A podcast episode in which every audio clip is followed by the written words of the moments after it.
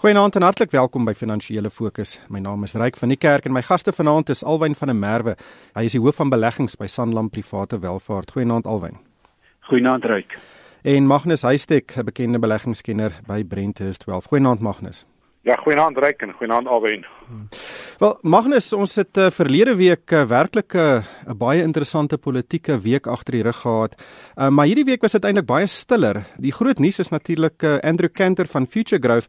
Hy het verlede week nogal die mark verras toe hy gesê het hy gaan nie meer geld leen vir sekere staatsbeheerde maatskappye nie omdat hy nie kan sien hoe hulle finansies gaan lyk oor 5 of 6 jaar nie. Maar hierdie week het hy sy besluit verander. Wat het daar gebeur? Ek kom maar korrek, was tot die afgelope week of wat omdat president Zuma nie in die land is nie, uh, maar hy is volgende week terug so so hou maar styf vas.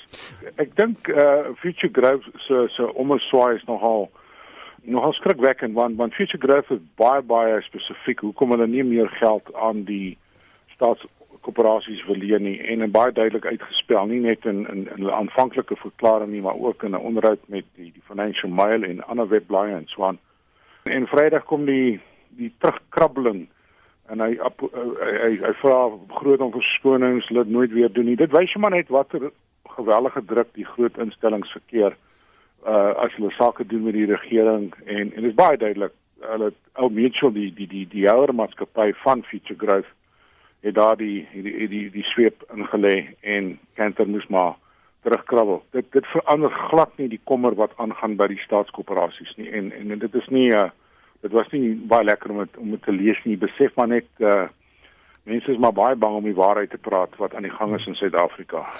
Ja alwen verskeie groot sakemanne in Suid-Afrika het al gesê te min mense staan op en sê nie openbaar hulle hou nie van wat hulle sien nie. Jy weet Dr. Johan Rupert is een van hulle en almal het gesien is Andrew Cantor het ook nou 'n lyn in die sand getrek. Die verhouding tussen die private sektor en die regering is seker op een van sy laagste vlakke in in dekades. Hoe lees jy die hele ehm um, scenario en en hierdie ehm um, hoofstuk wat afspeel tussen die regering en die private sektor? Ja, Ryk, ek dink ehm um, daar's miskien twee faksies binne in die binne in die regering. Ek dink daar's duidelike faksie uh in die regering en ongelukkig moet jy dit uh, terugverwys na die president toe en dan sy kaders rondom hom uh wat duidelik nie heeltemal verstaan implikasies wat politieke besluite het op die ekonomie nie en op uh eenvoudig die manier hoe die sake sektor hulle uh ondernemings moet bedryf binne in die ekonomie nie en waar waarby hulle ehm um, werk verskaf aan mense nie. So so dit is 'n een komponent en ek bedoel daar is baie voorbeelde van dit wat ons gesien het onder andere natuurlik die Nenegate skandaal wat vertroue ondermyn en beleggings uh ondermyn.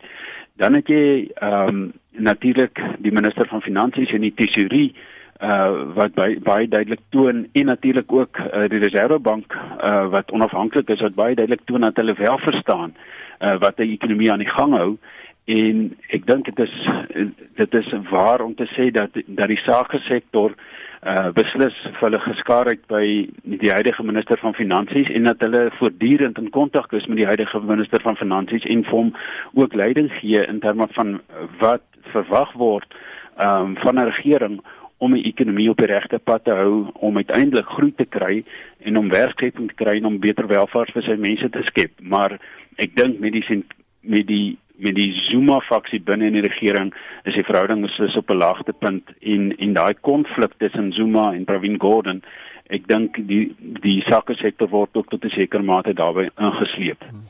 Magnus, hoe gesond is dit? Jy sit met 'n scenario van 'n uh, twee faksies soos albei nou gesê het. Een van hulle definitief die tesourie wat as die die ridder en die redder van uh, Suid-Afrika se ekonomie gesien word. Die hele private sektor skaar hom om Gordhan sommige van die oppositiepartye weet ondersteun hom ook openlik. Hierdie situasie kan nie vir eintlik verlang nog voortduur nie. Dit kan nie en want want soos mense nou tereg vra, wie is nou eintlik in in in in beheer van die land? Weet ons het ons is spandeer soveel tyd en energie om om tussen die Zuma en en die Gordhan kamp as ek dit so kan noem, terwyl die ekonomie is die groot probleem en daar moes al baie dinge gedoen gewees het om die afgradering te voorkom en ek weet nog van niks wat die regering al voorgestel het om daardie afgradering uh uit te stel of te vermy nie. So so so ons ons die binnengevegte kan baie baie langdurige ekonomiese gevolge hê. Alwen kom ons gesels oor die ekonomie. Ons het 'n uh, een brokkie baie goeie nuus gekry hierdie week en dit is dat die ekonomie het in die tweede kwartaal met 3,3% gegroei. Heelwat beter is die minus 1,2% van die eerste kwartaal. Daar is 'n paar tegniese redes daarvoor. Een van die goed wat die graderingsagentskappe uh, gesê het is hulle wil groei sien om te keer dat hulle verder afgegradeer word. Dink jy hierdie syfer is genoeg om ons te red in Desember? Hulle is 'n stap in die regte rigting. Ek dink ehm um, dit is dis heeltemal reg die vorige opmerkings wat gemaak word dat die regering eintlik nog niks gedoen nie en ehm um, maar die 3.3% groei uh sou beslis van die graderingsagentskappe bietjie gemakliker maak. Maar ek dink as mense 'n bietjie dieper dit ontleed ehm um, dan gaan jy nog steeds be bekommerd wees want want hierdie syfer kom van 'n baie lae basis af en dit is maar eintlik die mynboukant van 'n baie lae basis af wat uh amper 12% vir die kwartaal gegroei het uh vergeleke met die vorige kwartaal en dan die vervaardigingskant het met 8% gegroei en weer eens van 'n baie lae basis af. Wat my wat my eintlik um 'n bietjie uh, bang maak vir hierdie syfer ryk is die feit uh dat dis ander syfers wat uitgekom het in die week dui baie duidelik daarop dat dat beide verbruikersvertroue maar ook sakevertroue onder druk is. En en as dit onder druk is as gevolg van hierdie goed waaroor waaroor ons nou gepraat het en Magnus nou verwys het ook. Ehm um, dan moet jy net verstaan dat vanuit die bestedingskant uh is dit baie moeilik om hierdie groei voort te hou. Net besteding kom van twee kante af. Dit kom aan een kant van die verbruiker af en aan die ander kant ehm um, besteding kom van die sake sektor af uh wat investeer uh in in produktiewe kapasiteit. Nou as jy nie vertroue het nie, dan gaan jy nie investeer nie. As jou opbrengs op jou investering ook laag is, dan gaan jy dit ook nie doen nie. En ek dink beide van daai beide van daai tellings lyk nie baie goed op die oomblik vanuit 'n sake sektor kant en dan weet ons dat werkskeping onder druk is uh op die oomblik in Suid-Afrika en dat die verbruiker uh verbruiksbesteding onder druk is. So daai twee faktore vir die pad vorentoe sou vir my bekommerd maak rondom groei in Suid-Afrika en uh tot ons nie uh op 'n hoë vlak uh groter samehorigheid kry in regering en dat hulle die regering ook uh 'n uitdaging gee dat hulle min of meer verstaan wat dryf ons ekonomie nie uh dink ek uh gaan die graderingsagentskappe gaan hulle ook maar baie skepties na hierdie syfer kyk. Magnus, wat ek hoor nou wat Alwyn sê, maar as jy in in Februarie maand vir uh, ons gesê het ons gaan in die tweede kwartaal met 3,3% groei, so meeste mense dit gevat het. Absoluut. I mean, jy vat jou uh jou jou jou, jou wenners wanneer hulle kom. Maar soos Alwyn sê, ek moet moet saamstem. Ons moet eers kyk wat in die derde en die vierde kwartaal gebeur voordat 'n mens kan praat van 'n omswaai in die ekonomie en dan daai daai um uh, uh storie is nog nie is nie is nie finaal nie. Wat vir my ironies is is dat die ANC sommer dadelik 'n uh, persverklaring uitgereik gesê ja, kyk hoe goed werk die ANC se ekonomiese beleid. Kyk hoe groei die ekonomie. so, uh so mense moet oppas daarvoor. Moenie negatief wees nie, maar daar moet nog baie water in die see inloop. Hmm. Net alwen, ek dink die grootste impak op hierdie syfer was die Paasnaweek wat in uh hierdie jaar het dit geval in die eerste kwartaal. Um en daarom is daai syfer so sleg geweest. Um en daarom is die groei in die tweede kwartaal so goed want die Paasnaweek was verlede jaar in die tweede kwartaal. Nou dit is 'n tegniese ding, maar nog 'n belangrike punt is dat die graderingsagentskappe gaan nie nog 'n kwartaal se groei sien voordat hulle besluit moet maak nie. Die einde van die derde kwartaal is uh, einde September en daai syfer gaan eers uh, na die uh, besluite van die graderingsagentskappe bekend gemaak word. Hoe gaan dit 'n verskil maak? Ja, kyk, ryk is heeltemal reg as jy sê soos hulle met hierdie syfer sit, dan dink ek uh, kan hulle ehm um, dit as positief interpreteer, maar ek dink uh, ons moet daarom aan, aanvaar dat die kredietgeleeringsagentskappe dat uh, dat hulle daarom verstaan hoe om syfers te ontleed.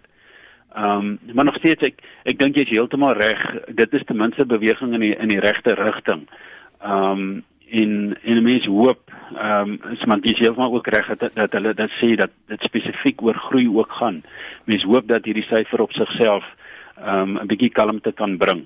Ek dink mense moet daarom ook sê ten spyte van wat ehm uh, in die Zuma kamp gebeur, ehm um, het uh, Pravin Gordhan het, het hy baie te doen met hierdie kredietgraderingsagentskappe en dan het hy baie van sy kant af gedoen om 'n bietjie kalmte daar te bring.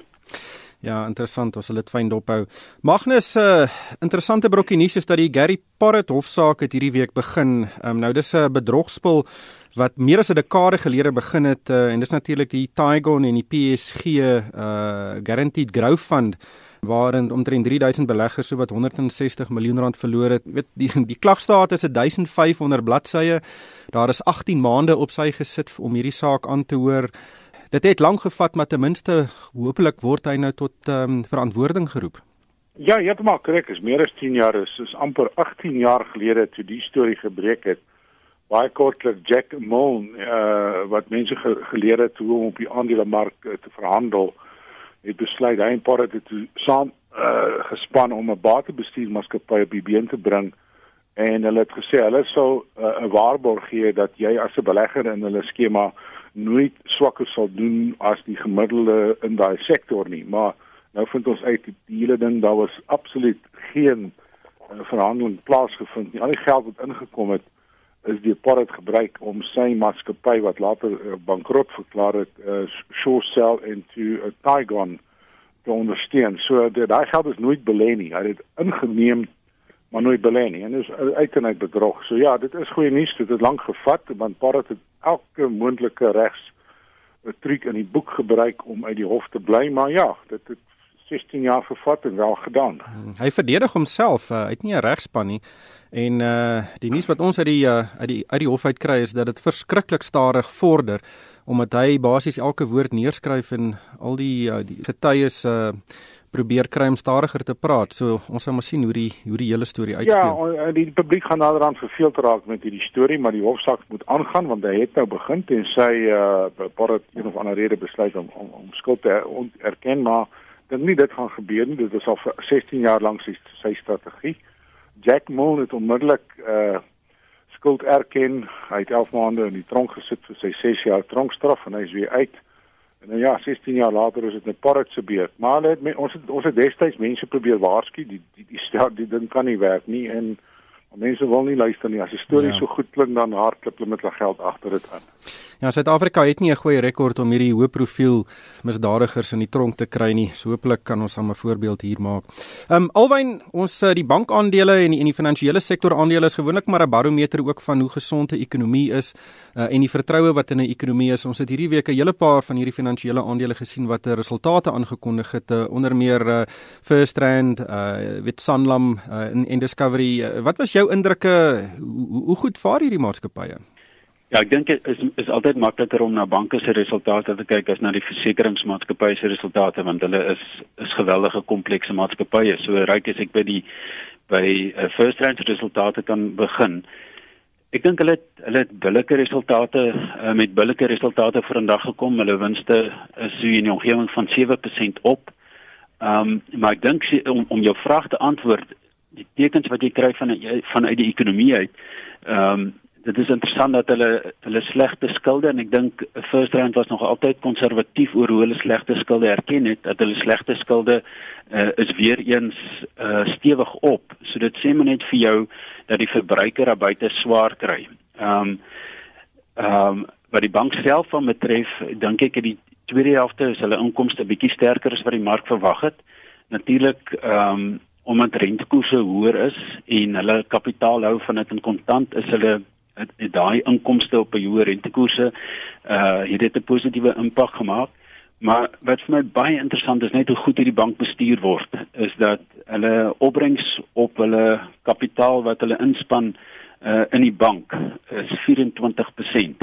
Nou as jy dit vergelyk met die ander banke, ek dink in die geval van Standard Bank sit hulle rondom 15%. Sê dit maar net vir jou dat hierdie regtig uh in terme van die banke wat in Suid-Afrika en in Afrika uh operasioneel doenig is is First Rand uh op de, in terme van winsgewendheid by verre die beste en en loop dinge reg reg vir hulle. So ek dink in die in die in die huidige papperige ekonomiese omgewing is 'n 7% groei in winste is dit redelik goed.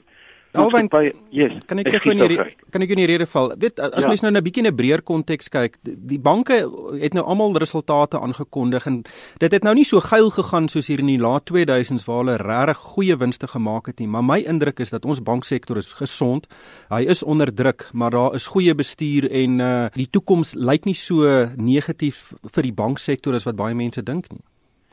Ja, dit is ek dink jou opmerking is absoluut akkuraat. Ek dink ehm um, dat die banke as jy na na almal se resultate kyk, praat ons almal van die winste in die omgewing uh tussen sê 5 en 10% gegroei. Nou dit mag vir ons 'n bietjie laag klink, maar in 'n in 'n omgewing waar die ekonomie ehm um, omtrent geen groei toon nie, uh is daai winste baie goed en sê dit vir jou dit word baie goed bestuur.